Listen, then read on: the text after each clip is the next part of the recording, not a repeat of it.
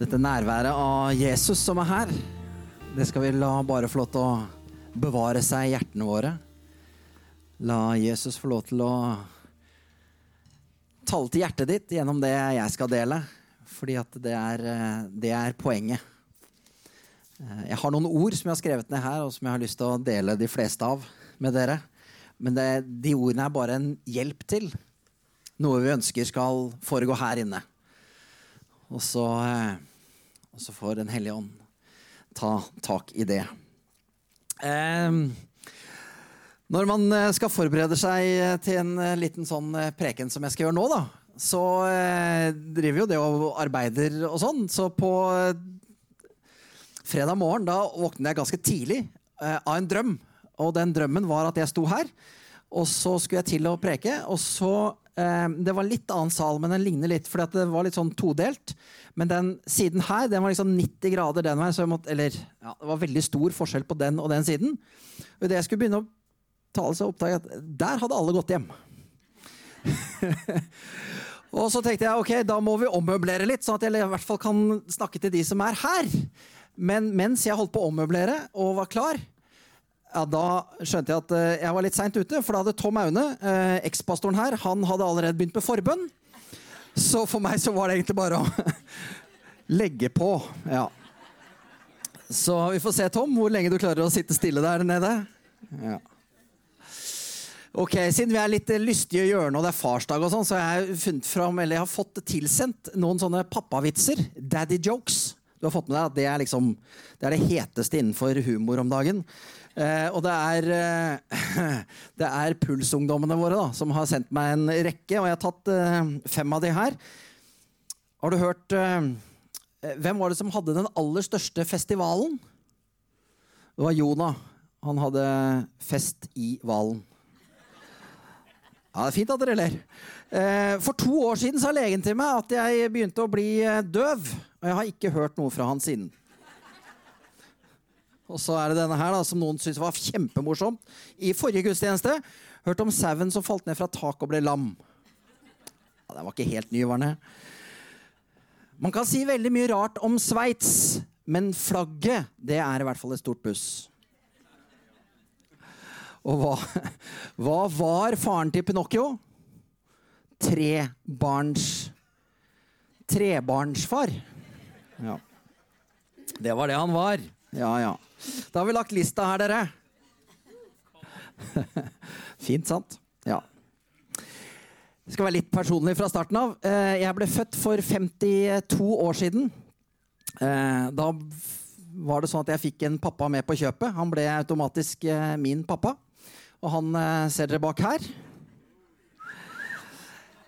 Jeg vet ikke om han var til stede ved selve fødselen, men han har i hvert fall vært der for meg hver eneste dag etterpå. Jeg er stolt av pappaen min. Han er en skikkelig bra kar. Han er ikke perfekt, såpass vet jeg, men han har vært en kjempebra pappa for både meg og broren min i alle disse årene. Etter hvert så kom det en ny farsfigur inn i livet mitt. Det var når jeg da fikk en svigerfar. Se på hun dama ved sida. Jeg har mer fokus på henne enn på, på svigerfar. Men jeg har også lært meg at Tom heller ikke er perfekt. Men han har betydd utrolig mye i livet mitt. Og gjør det fortsatt. Så en bra svigerfar. en novemberdag i 94 så blir jeg også pappa. Og han som nettopp sto foran her med cap og gitar, det er han som en gang så sånn ut. Og eh, Hva skjedde, ja? Og så eh, har livet gått videre, og eh, jeg har både vært fosterfar, og nå er jeg etter hvert også blitt svigerfar. Så nå er det bare å vente på at man blir bestefar. Men der har jeg da altså ingen påvirkningsmakt i det hele tatt. Så det får vi se hvordan det blir. Men det var det siste dere skulle få se fra mitt fotoalbum. Eh, nå skal vi gå over på andre ting. Vi er til stede her, så er vi mange forskjellige typer mennesker. Og enda flere mennesker hvis vi tenker på alle de som kan nå sitte og se dette her på, på TV. Eh, vi har ulike farsopplevelser, farsfigurer. Og eh, jeg skal ikke prøve å gjette hvilke relasjoner du har hatt til eh, din far, eller de farsrollene som har vært i livet ditt, men det vet du jo veldig godt selv. Så det vi er helt sikre på, det er at det er ingen som er like på den fronten der.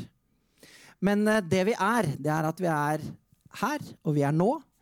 Og vi ønsker at Gud skal tale inn i livet vårt akkurat her og nå. Ut fra den situasjonen som vi er i, og som livet vårt har ført oss til. Og eh, da er det ikke historiske fakta eller ja, det som har skjedd, som er viktig, men det er det som er her og nå. Og i eh, Salme 27 så sier David noe veldig fint. Om min far og min mor forlater meg, så skal Herren ta seg av meg. Det er et løfte David for veldig lenge siden valgte å skrive inn i en av sine salmer. Og det tror jeg var fordi at du og jeg skulle få høre det. Så min bønn for uh, denne samlingen, det jeg har lyst til å dele med deg nå, det er at uh, enten du da er far eller ikke, om du har et uh, godt eller vanskelig eller kanskje et helt, helt ikke-eksisterende forhold til din far, eller om du er mann eller dame ut ifra det jeg skal fortelle, så håper jeg du får noe.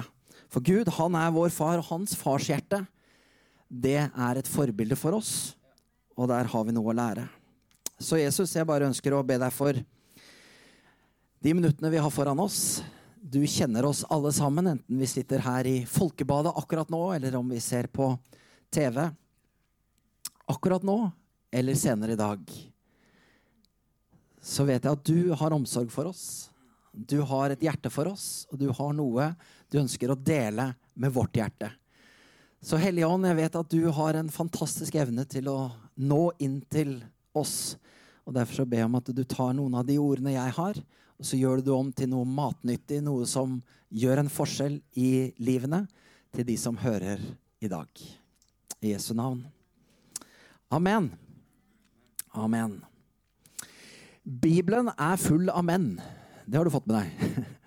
Det er altså heltehistorier fra mange menn gjennom eh, Bibelen. Så det var mange å ta av når jeg skulle liksom eh, hente fram noen. Men jeg har valgt å hente fram en som eh, har måttet tåle å stå i skyggen av sin kone. Tenker du nå? Josef. Der var det nok Maria som var, eh, har fått mest plass i historien. Men Josef han var mannen til Maria og etter hvert adoptivfaren til selveste Jesus. Så jeg skal bruke litt tid på å snakke om Josef. Men på samme måte som eh, Gud valgte ut Maria, så valgte han også Josef. Josef ble far for Jesus. Han skulle oppdra han til å bli mann. Og Gud søkte etter en ung jente, en som var gudfryktig og som var villig, og fant Maria. Men han søkte også etter en mann. I forhold til Marie så står det at hun fant nåde hos Gud. Hun ble utvalgt, og hun fant nåde hos Gud. Jeg tror Josef gjorde det samme, fordi om det ikke står så direkte. Men eh, de ble valgt sammen til å bli foreldrene til Jesus. Farsrollen er en viktig rolle. Fedre er ikke bare til for å lage barn, men de er også til for å oppfostre. Jesus han ble unnfanget, ifølge Bibelen, ved Den hellige ånd i Marias liv. Det er et mirakel. Det trengtes ingen mann. Så Josef var ganske overflødig i den sammenhengen. Men Gud ønsket en mann inn i Marias liv fordi at Jesus trengte en pappa i sitt liv. Så når eh, Jesus skulle vokse opp, så var det viktig at det var en far der. Når det er sagt, så finnes det jo selvfølgelig veldig mange som lever som aleneforeldre. Og sånn kan livet være. Og sånn er livet for veldig mange i vår tid. Og det er ikke sånn at jeg nå skal si at det er den måten som Maria og Josef hadde det på, som er den eneste måten å få det til på. Gud har en plan for oss alle. Og det sto jo, som vi nettopp leste, om min far og min mor forlater meg, ja, så skal Herren ta vare på meg. livet er ikke kjørt, det er ikke håpløst. Men vi skal lære litt av hvem Josef var, hva Josef gjorde. Og er du aleneforelder, så skal vi heie på deg. Og mot slutten så skal jeg si litt om det at vi som menighet også har en helt spesiell rolle i det. Josef han ble valgt, og akkurat som eh, Gud hadde sett etter en dame som kunne føde Jesus, så så han også etter en gudfryktig mann. En inspirerende farsfigur som kunne være i Jesus sitt liv. Gud gjorde et godt, la, øh, godt valg. Og nå skal vi se litt på hvem denne mannen Josef var. Så da skal vi lese fra begynnelsen i øh, Det nye testamentet, i Matteus 1. Og fra vers 18 så står det, skal jeg prøve å lese så, så dere kan henge med. Jesu Kristi fødsel skjedde på denne måten. Etter at hans mor, Maria, var blitt forlovet med Josef, før de var kommet sammen, viste det seg at hun var med barn ved Den hellige ånd. Hennes mann Josef, som var rettferdig, ville ikke føre offentlig skam over henne. Derfor ønsket han å løse henne fra forlovelsen i stillhet. Mens han tenkte over dette, se, da viste en Herrens engel seg for ham i en drøm og sa, 'Josef, Davids sønn, vær ikke redd.' Vær ikke redd for å ta Maria, din ektefelle, hjem til deg. For det, uh, for det som er unnfanget i henne, er av Den hellige ånd. Hun skal føde en sønn, og du skal gi ham navnet Jesus, og han skal frelse sitt folk fra deres synder. Alt dette skjedde for at det skulle bli oppfylt som var talt av Herren ved profeten når han sier, 'Se, jomfruen skal bli med barn og føde en sønn', og de skal gi ham navnet Immanuel, som er oversatt 'Gud med oss'. Da Josef våknet fra søvnen, gjorde han som Herrens engel hadde pålagt ham, og tok sin kone til seg. Men han levde ikke sammen med henne før hun hadde født sin førstefødte sønn, og ga ham navnet Jesus. Så det var eh, første delen. Og så eh, kjenner vi jo juleevangeliet. Her eh, går ting fort. Jesus blir født, og det kommer engler og hyrder og vismenn, og det er mye ståhei. Og så står det i kapittel to Da de hadde reist, altså vismennene, da viser Herrens engel seg for Josef i en drøm og sier, Stå opp, ta det lille barnet og hans mor, flykt til Egypt og bli der til jeg gir deg beskjed. For Herodes vil lete etter det lille barnet for å drepe ham. Da sto han opp, og om natten tok han det lille barnet og hans mor og dro til Egypt. Så står det videre, litt lenger ut i kapittelet, da Herodes var død, Se, da viste Herrens engel seg for Josef i en drøm i Egypt. Han sier, stå opp, ta det lille barnet og hans mor og dra til Israels land. For de eh, som sto det lille barnet etter livet, er døde. Da sto han opp, tok det lille barnet og hans mor og kom til Israels land. Josef, han var en eh, en omsorgsfull og kjærlig mann. Det ser vi ut ifra det vi nå har lest, og det vi kan se rundt Josef i Bibelen. Når eh, Josef oppdager at, eller får høre at Maria er gravid, så eh, kan vi jo sette oss inn i den situasjonen. Det ville være en, eh, ja, en håpløs situasjon for de fleste av oss. For Josef sin del så kunne det jo oppleves som at vet hva, Jeg vet jo at det er ikke mitt barn hun bærer. Og hvis det ikke er mitt barn, ja, hvem sitt er det da? Hun har i hvert fall lurt meg. Det er det helt sikkert det første som ville kommet opp i vårt hode. Og Josef, han var en vanlig mann. Og jeg er helt sikker på at han tenkte disse vanlige tankene. Nå er jeg lurt, jeg er sviktet, dette her er ikke riktig. Og vi vet at uh, var man utro, Altså Enten man var forlovet eller gift, så var i Gamle testamentet der var det ingen bønn. Det var stening til døden som var konsekvensen av det. Så eh, hva som foregikk opp i hodet til Josef, det kan vi bare forestille seg. På den tiden så var det endret seg noe, sånn at, men fortsatt så var det jo sånn at en sånn type handling, det var en veldig alvorlig forseelse. Så Josef var egentlig forpliktet til å skille seg fra henne hvis han skulle følge lovgivningen. Og han var det for at ikke han skulle føre skam og eh, skyld over henne og ydmyke henne. Men så, allerede før Gud kom og snakket til Josef, så begynte Josef å tenke hvordan kan jeg spare Maria? Jeg vil, dette, må, dette må skje i stillhet. Vi må unngå at det blir dommer og stening og styr og ordn. Så han hadde et hjerte for Maria som var veldig tydelig. Han var en omsorgsfull, snill mann. Og han sa at eh, la oss løse henne fra forlovelsen i stillhet.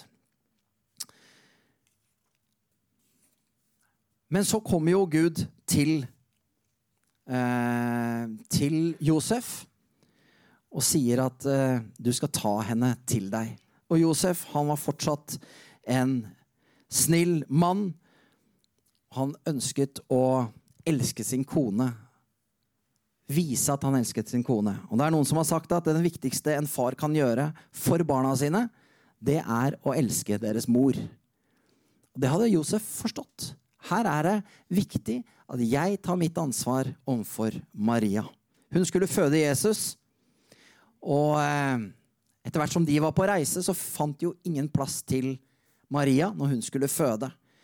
Men da tok Josef ansvar. Han fant et sted. Han var veldig opptatt av at Maria skulle bli tatt vare på. Han var også en uh, kjærlig far.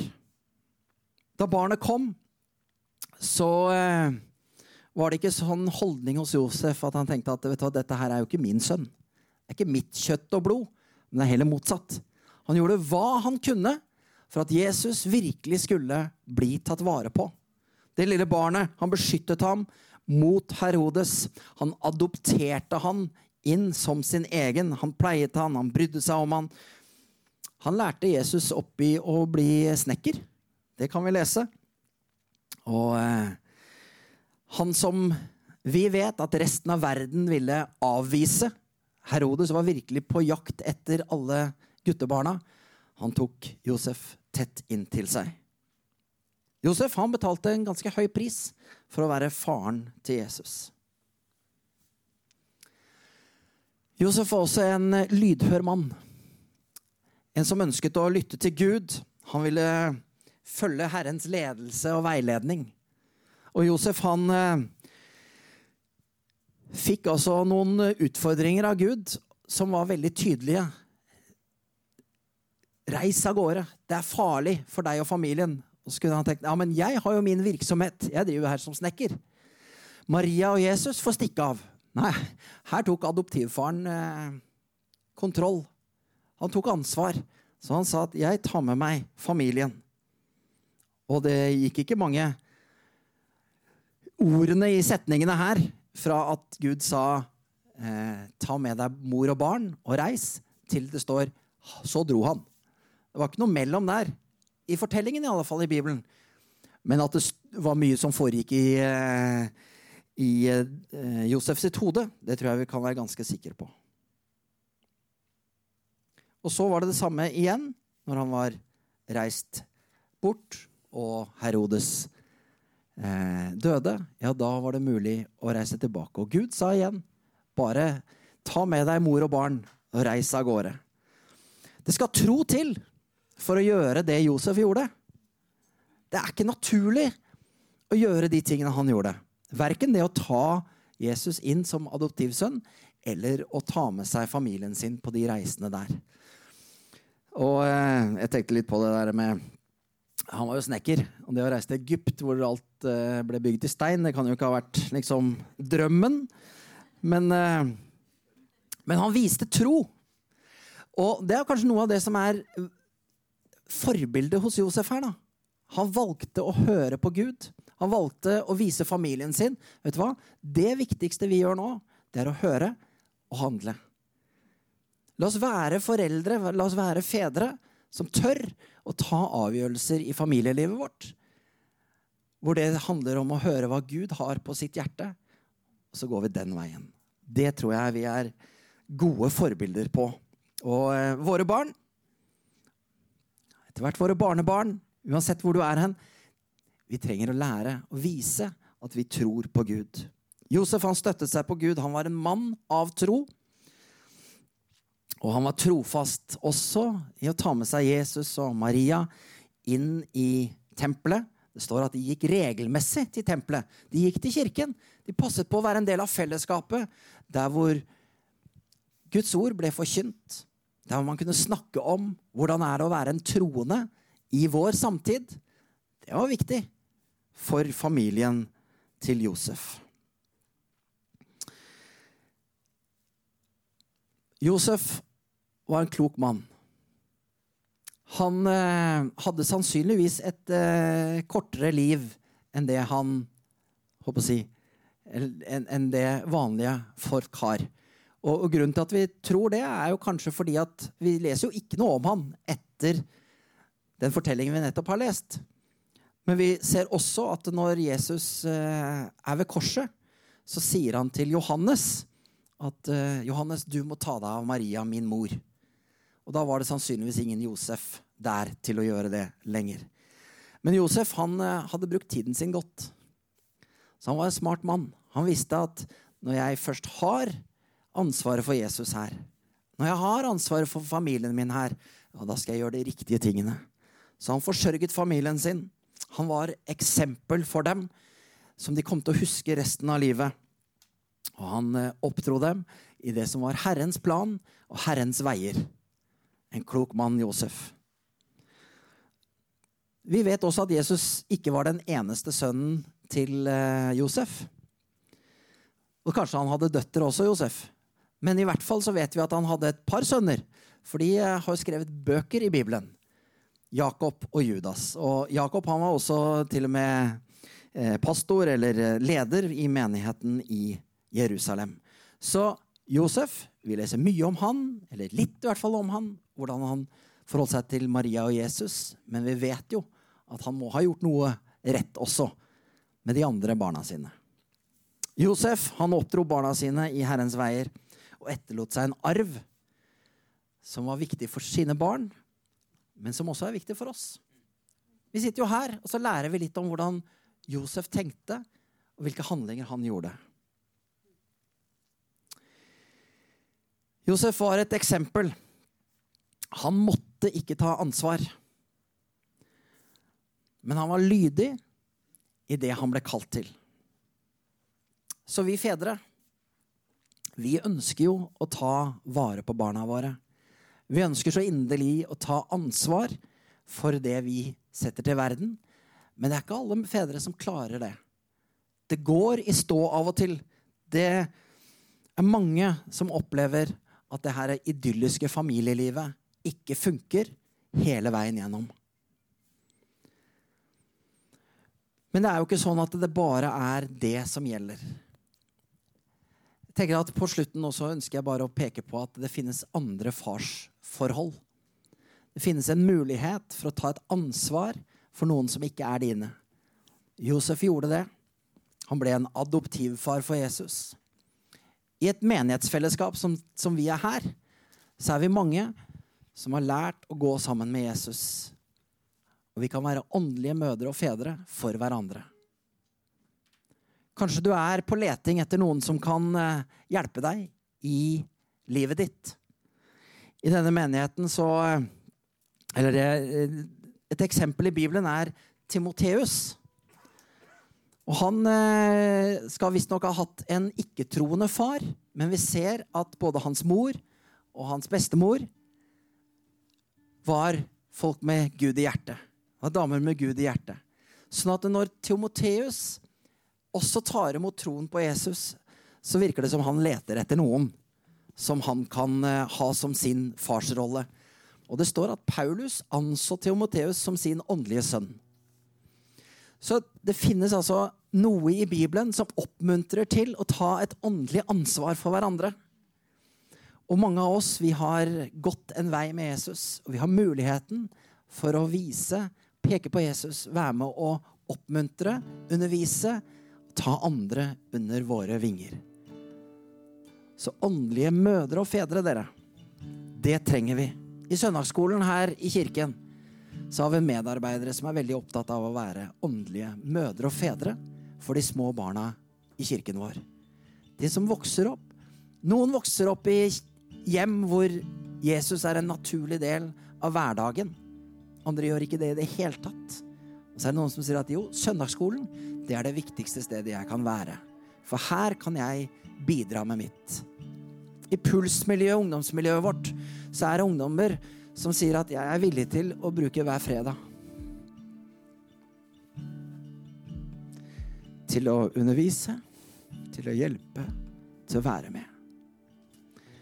Det er mange ektepar og enkeltmennesker i kirken vår som har life-grupper, hvor de hver uke eller hver uke inviterer en hel gjeng hjem i stua si. Bare fordi at de ønsker å si at 'jeg vil være med og fostre deg'. 'Jeg vil hjelpe deg videre i livet'. Fordi at Jesus har noe han vil i ditt liv. Dette er det viktigste vi driver med som menighet. Det er bra at jeg kan få lov til å stå her og si noen ord til dere en søndag ettermiddag. Men det viktigste er det som skjer imellom.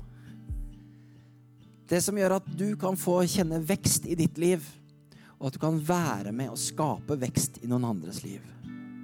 Så det er bra med farsdag for oss som er pappaer. Men jeg tror det viktigste for Guds hjerte er at vi eh, formidler hans fars hjerte.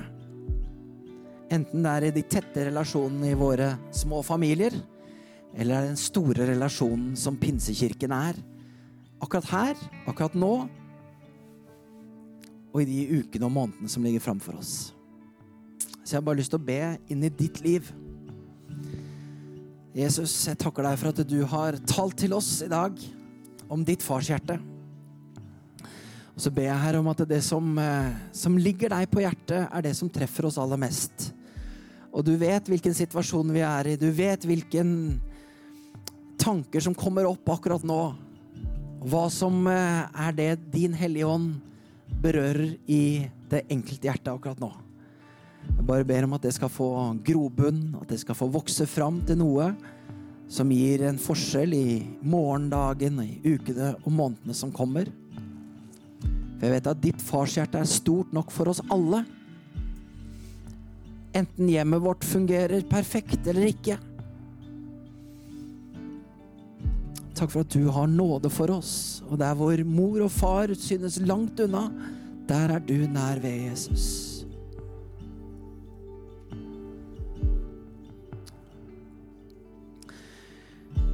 Jeg opplevde at når vi sang den sangen rett før eh, jeg gikk på her, og vi sang 'Alt ved Jesu fot jeg legger', så var det noe som traff noen. Jeg har bare lyst til å invitere deg til å Når vi skal synge nå Løft hjertet ditt opp til Jesus. La han få lov til å fylle deg gjennom lovsangen. La han få lov til å komme med den eh, legedommen, som vi kaller det. Den helbredelsen. Det du trenger for det du kjenner inni deg akkurat nå. For det er han som kan være legen, eller den nøkkelen som låser opp noe som kanskje er vanskelig og hardt akkurat nå. For Guds fars hjerte er bløtt. Det er kjærlig. Og han oppfordrer deg til å være lydhør for det han har til deg akkurat nå. Så la oss lovsynge, og så kjenne på hva Den hellige ånd tar tak i i livene våre. Amen.